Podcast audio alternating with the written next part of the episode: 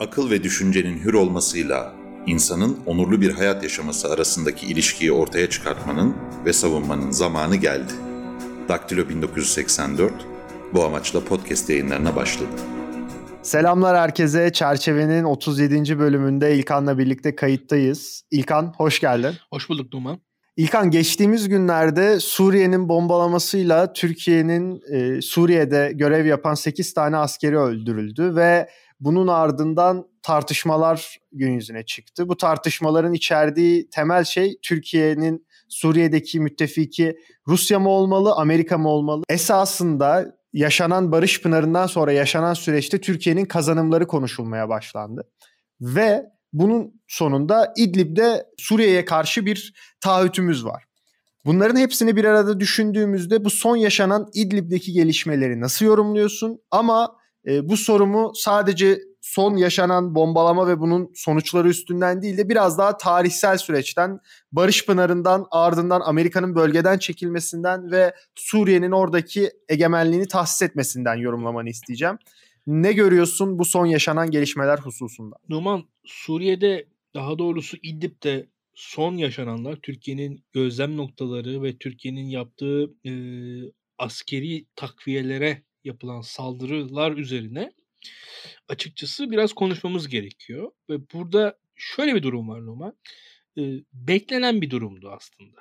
Yani Türkiye Astana ve Soçi mutabakatları çerçevesinde Suriye'de muhalifler dediğimiz geniş kitleyle yani muhalifler derken şu Suriye'de rejime karşı silahlı olarak e, bir eylemde bulunan e, PYD, PKK ve IŞİD hariç tüm kitleden bahsediyoruz. Bu kitleyle Rusya, İran e, üzerinden Suriye arasındaki e, anlaşmayı sağlayıcı, onu organize edici ülke konumuna Türkiye kendisini soktu.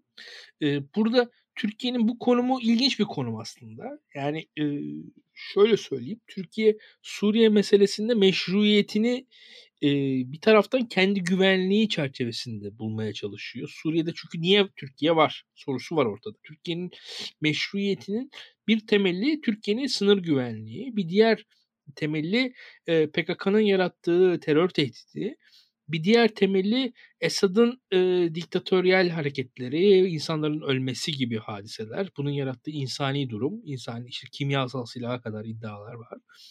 E, bunun gibi temelleri var ve Türkiye e, burada da bu kadar Suriye vatan, Suriye'de e, düzen yok. Biz burada düzen kurucu, düzen koyucu ülkeyiz e, diye bir tezi var Türkiye'nin aslında. Hatta ben bu konuda e, birçok muhaliften farklı olarak e, her zaman şey dedim yani AK Parti'nin şu aşamada asla yoğun bir şekilde Suriyeli mültecileri Türk vatandaşı yapma gibi çabasının ol, olamayacağını anlatmıştım insanlara. Neden sorusu var.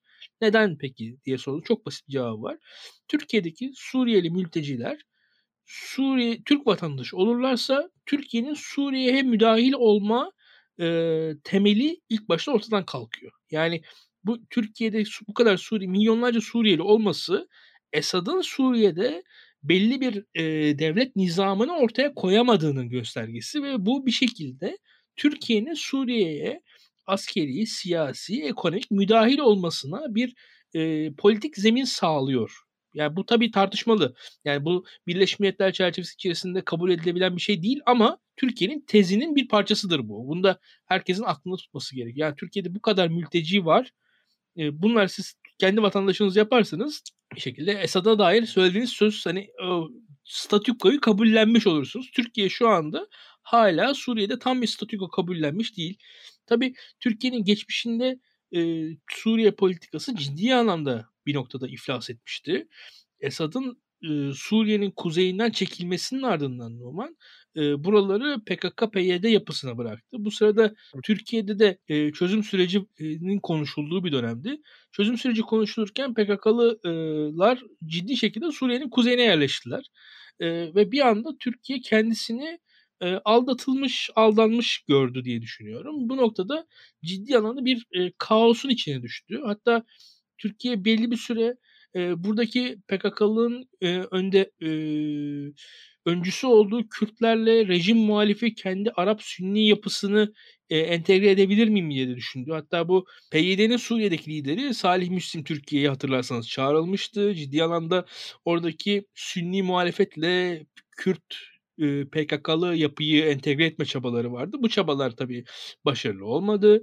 Bu çabaların başarısızlığının ardından e, Sünni muhalefet üzerinden Kürt e, yapılarını yok etme çabasını denediler. O, o, o çabaya da da o çaba da başarısız kaldı. Çünkü muhalefetin kendi içerisinde uyumsuzlukları vardı ve muhalefet bir yandan da e, tahminime göre çok da Türkiye'nin işini yapmak istemedi muhalifler o sırada. Öyle söyleyeyim. Kendi e, gündemlerine odaklandılar ve hükümetin Suriye... Ya burada muhalifler olarak bir de muhaliflerin böyle bir bütün altında hepsinin organize bir şekilde hareket edip etmediği de önemli.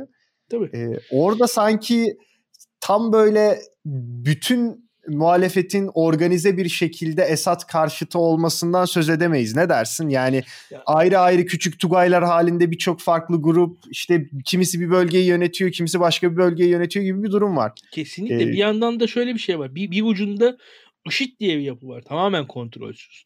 El-Kaide'nin ve El-Kaide türevi yapılar var. E, Geçişkenlik çok fazla. Kesinlikle öyle ve e, Suriye ordusundan kaçan yapılar var. Ve hatta yani e, Suriye ordusunun böyle asker kaçakları ciddi şekilde muhalefeti besledi bir ölçüde. Bir ölçüde. Bunun dışında daha öncesinde esas Türkiye ve Türkiye gibi ülkelerin muhatap aldığı yapılar e, diğer ülkelerden bağımsız e, farklı olarak Suriye Suriye'deki Suriye muhalefetini e, Hafız Esad ciddi anlamda ülkeden sürmüştü. Yani Suriye'de çok da organik bir muhalefet yok. Yani muhalif kitleler var ama muhalif kitleler aslında Suriye'nin kendi içerisinde çok da organize değillerdi. Bunların siyasal örgütlü yapıları Suriye'den sürülmüşlerdi. Yani Suriye Müslüman kardeşleri bir diaspora organizasyonu. Mısır Müslüman kardeşlerinden farklı olarak. Mısır Müslüman kardeşleri Mısır'daydı. Ama mesela Suriye Müslüman kardeşleri e, Suriye'den sürüldü. Onlar da Mısır'daydı. o da doğru. Yani o, haklısın. Yani e, bu, bu da şey hani yapı olarak aslında e, topluma nüfuz etme açısından bir e, dezavantaj teşkil etti. E, bu da bir noktadan sonra internasyonel cihat hikayesinin e, bu işin öncüsü haline gelmesine başladı. Libya'dan, Tunus'tan, e, ciddi anlamda savaşçılar, cihatçılar geldi. Terörist dendi bunlar ondan sonra. Yani bu bu şekilde bunlar oraya aktı. E, Suudi Arabistan, Katar gibi ülkeler arasındaki ayrışma buraya da yansıdı. Zaten e, bu meselede yani Türk yani Suriye'deki muhalefet hem Türkiye üzerinden kuzeyden hem Ürdün üzerinden güneyden destekleniyordu. Ürdün üzerinden destekleyen e, yapının finansörü Suudi Arabistan'da, Türkiye üzerinden destekleyen desteklenen yapının finansörü Katar'dı. Suudi Arabistan ve Katar arasındaki ayrışma bir noktada bu Müslüman kardeşler üzerinden muhalefetin gücünü zaten yarıya düşürdü. Yani o kadar çok şey yaşandı ki bunların tek tek alt alta koysak e, başı çıkamayız öyle söyleyeyim. E, zaten 10 yıl oldu yani esasında çok da uzun süredir yaşanan şeyler bunlar. Evet neredeyse. evet. Ya Numan e, neticede bugün e, bence zaten gelmekte olan şey başımıza geldi. Öyle söyleyeyim. Hani gel yani adım adım gelen adım adım beklediğimiz ne yazık ki benim kendi adım beklediğim bir şey başımıza geldi. Çünkü çok net gözüküyordu ki özellikle Rusya Suriye'ye geldikten sonra Esad'ın gitmeyeceği ortaya çıktı. Çünkü Esad çok başarılı bir şekilde kendisinin alternatiflerinin kendisinden kötü olduğunu dünyaya gösterdi. Açıkçası hikaye biraz da buydu. Yani Esad e, yani diktatör adam ama başarılı bir diktatörlük yaptı ve kendi alternatiflerini kendisinden daha kötü bir şekilde resmedebildi. Ee, burada işte o hani kafa kesmeler, o videolar vesaire katliamlar, e, işte yıkım vesaire ve buradaki Suriye muhalefeti e, total olarak ortaya somut ne yazık ki çok güzel bir şey koyamadı. Rusya'nın da müdahil olmasının ardından öyle öyle ya da böyle belli oldu ki Suriye'de artık Esad kalıcı. Buradan sonra hala ama Türkiye ve Türkiye'nin aslında yaptığı Türkiye'nin kendi meselesi de ortaya çıktı. Türkiye'nin kendi meselesi, Türkiye'nin yani PKK-PYD meselesi var. Türkiye Suriye'yi bir ölçüde öyle değerlendirmeye de başladı ama ben o konuda tamamen Türkiye'nin politika değiştirdiğini, Tayyip Erdoğan hükümetinin politika değiştirdiğini tam anlamıyla düşünmüyorum. Tabii ki bir politika, yani belli ölçüde politika değişikliği var. Yani e, ciddi anlamda Suriye'deki işte Kürt koridoru denilen yapının bo- bozulması hikayesi var. Orada e, PKK'nın, PYD'nin IŞİD'le savaştığı için elde ettiği itibarın azaltılmasına yönelik çabalar var. Doğru. Ama Türkiye'nin Suriye politikası bundan ibaret değildi. Zaten bugün onu görüyoruz. Bugün İdlib'deki meselenin odağında, merkezinde PKK, PYD yok. Suriyeli muhalifler evet. dediğimiz yapı, o HTŞ dediğimiz yapı, Özgür Suriye Ordusu ne kadar o emin değiliz bir yandan. Özgür Suriye Ordusu var ama ne kadar var? Ha, şu an Milli Ordu, Suriye Milli Ordusu oldu ama e, İdlib'de o, İdlib'de o Milli Ordu denilen yapı o kadar güçlü değil. Orada HTŞ güçlü işte. Ve Türkiye'de zaten sıkıntısı biraz şundan kaynaklanıyor. E, bu sanırım e, Türkiye'nin İran ve Rusya ile yaptığı anlaşma çerçevesinde e, de-escalation zone dediğimiz yerler tespit edildi. Yani bunlar e, ve bu bu de-escalation zone'larda adım adım e, Suriye ordusu muhaliflerin elinde olan adeta cep de denilebilecek yerleri tek tek e, baskıya aldı. Çok ciddi şekilde saldırmaya başladı Suriye ordusu. Ciddi anlamda Rus hava desteğiyle beraber e, çok ağır bir bombardıman altında tuttu. Şam'ın dış mahallelerinden başladı bu iş. Dera'dan başladı. Onun arkasından önce güneyden e, yavaş yavaş kuzeye doğru geldi Suriye ordusu.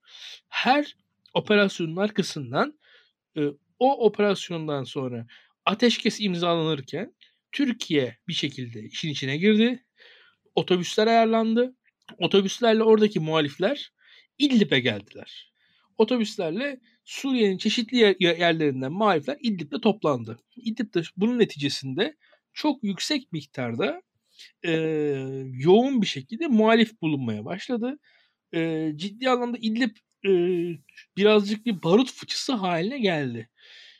Biz bugün mü olur, yarın mı olur bilmiyorduk. Ama e, burada Türkiye gözlem noktalarıyla belli bir e, denge sağlamaya çalıştığını düşünüyorum ben Türkiye'nin. Ama yapabileceği bir şey de çok yok. Türkiye'nin orada HTŞ'ye karşı net bir tavır alması, Türk ordusunun gidip HTŞ'lilerle mücadele edip orayı HTŞ'lilerden İdlib'i temizlemesinin de çok makul ve olası olduğunu düşünmüyorum. Türkiye'nin en azından Tayyip Erdoğan'ın geçmiş siyasal pozisyonuyla baktığımızda pek onu da olası görmüyorum ve yapmamız gereken yükümlülük bu ama değil mi? Yanlış evet. bilmiyorum ben. Yani HTŞ'yi temizlememizi istiyor Rusya bizden İdlib'de. Aynen öyle ki burada aslında Rusya da bizim HTŞ'yi temizleyemeyeceğimizi biliyor. E, dürüst olalım.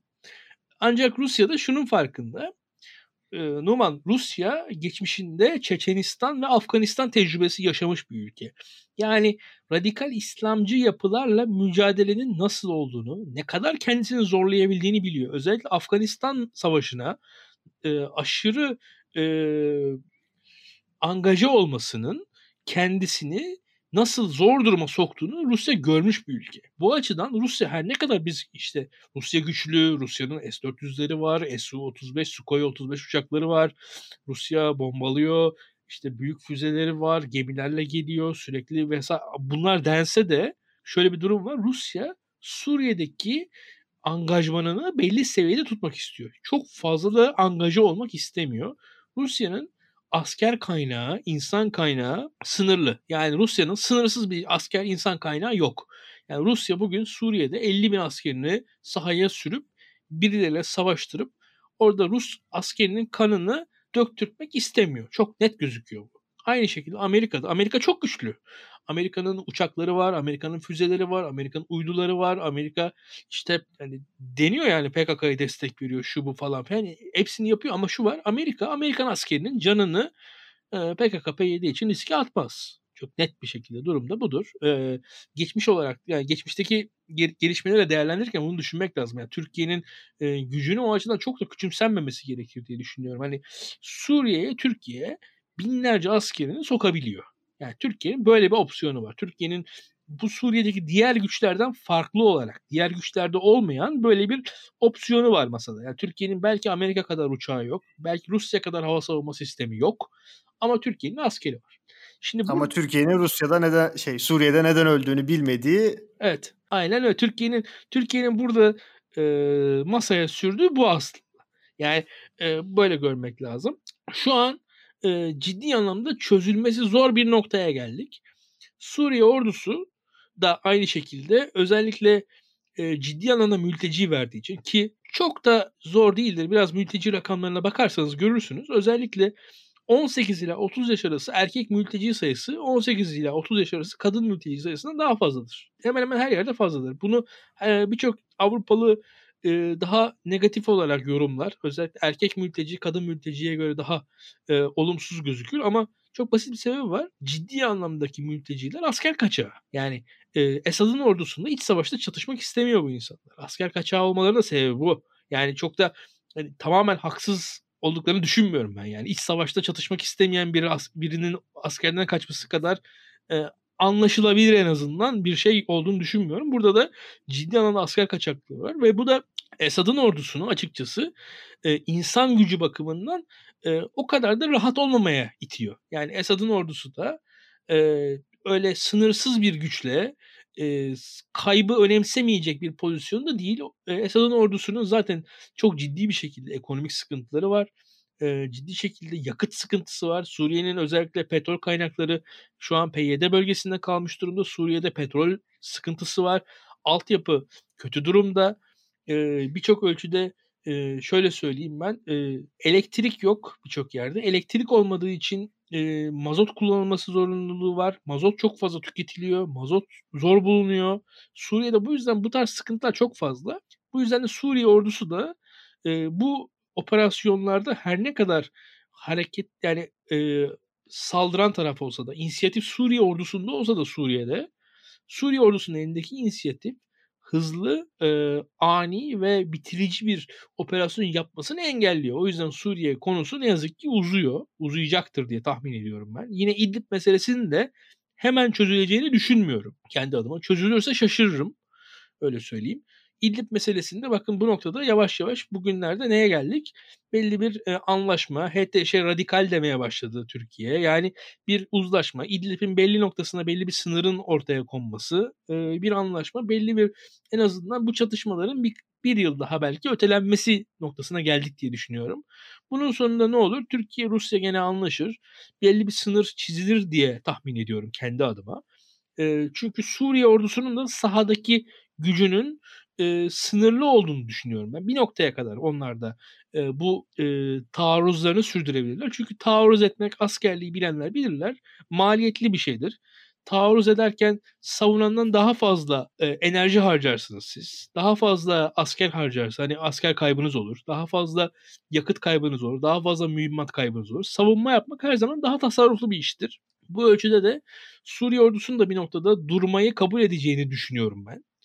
E, ve bu hızlı ilerlemenin sonunda Suriye'nin bu şu an yaşanan çatışmaların bir ölçüde yumuşayacağını umuyorum. Umuyorum. E, gördüğümde bu bakalım e, tabii Rusya'da Türkiye'den farklı noktada durduğunu, Suriye'nin yanında olduğunu gösterdi. Bu noktada Amerika ile Türkiye arasında yakınlaşma varmış gibi oldu ama Amerika'da çok da fazla Türkiye'nin yanında en azından Rusya'ya karşı Türkiye'nin yanında da durmadı gözüküyor. Öyle söyleyebilirim. Bir de yani ne vereceğiz şu saatten evet, sonra Amerika'ya? Aynen öyle. Yani Suriye'de bir şey vermen gerekiyor bir yakınlaşmaya girebilmek yani için ne şu vereceksin? An Türkiye'nin Suriye'de o yüzden e, elinde çok fazla kart kalmadı. İş uzayacak o gözüküyor. Yavaş yavaş biz de bunu yaşayacağız. Daha farklı bir şey gözükmüyor diye düşünüyorum ben. E, İdlib'de belli bir sınır işte M5, M4 otoyollarından bahsediliyor. Yani şu an e, işte biliyorsun şimdi bu M5 otoyolu Halep'le Şam'ı bağlayan otoyol. M4 otoyoluysa otoyoluysa Halep'le e, Laskiye'yi bağlayan, limanı bağlayan otoyol. E, M5 otoyolunun şu an hakimiyeti hemen hemen Suriye ordusuna geçmiş durumda. E, M5 en azından önemli. Yani Halep çünkü Suriye'nin sanayi merkezi. Sanayi merkezi ile başkent arasındaki otoyolu e, Suriye devleti kontrol etmek istiyor henüz M4 otoyolu e, Suriye ordusunun eline geçmiş değil ama o da bir hedef olduğu belli. En azından hani İdlib merkezi çünkü yoğun nüfuslu bir yer. İdlib merkezinden ziyade o otoyollar şu an ilk aşamada hedefler gibi gözüküyor. İlgiyle izliyoruz. Ya yani ben kendi adıma bir e, ateşkes, yeni bir e, anlaşma bekliyorum. Bakalım. E, çünkü Türkiye'nin e, Suriye'de havada hava e, sahasında çok fazla bir etkinliği olmayacak gibi gözüküyor şu anda. En azından Rusya'nın buna izin vermeyeceği anlaşılıyor. E, Türkiye'de bu ölçüde karada yapabilecekleri sınırlı. E, bir taarruz da çok beklemiyorum. E, Bakalım beraber izleyeceğiz. Ben kendi adıma Suriye ordusunun da bu ölçüde e, durmayın, durmayı tercih edebileceğini umuyorum. Bakalım beraber izleyeceğiz. E, ciddi anlamda şu vardı. Yani bu çatışma geliyordu açıkçası. Yani geliyordu geldi. E, üzücü askerlerimiz Umarım daha çok büyümez. Daha fazla büyümez.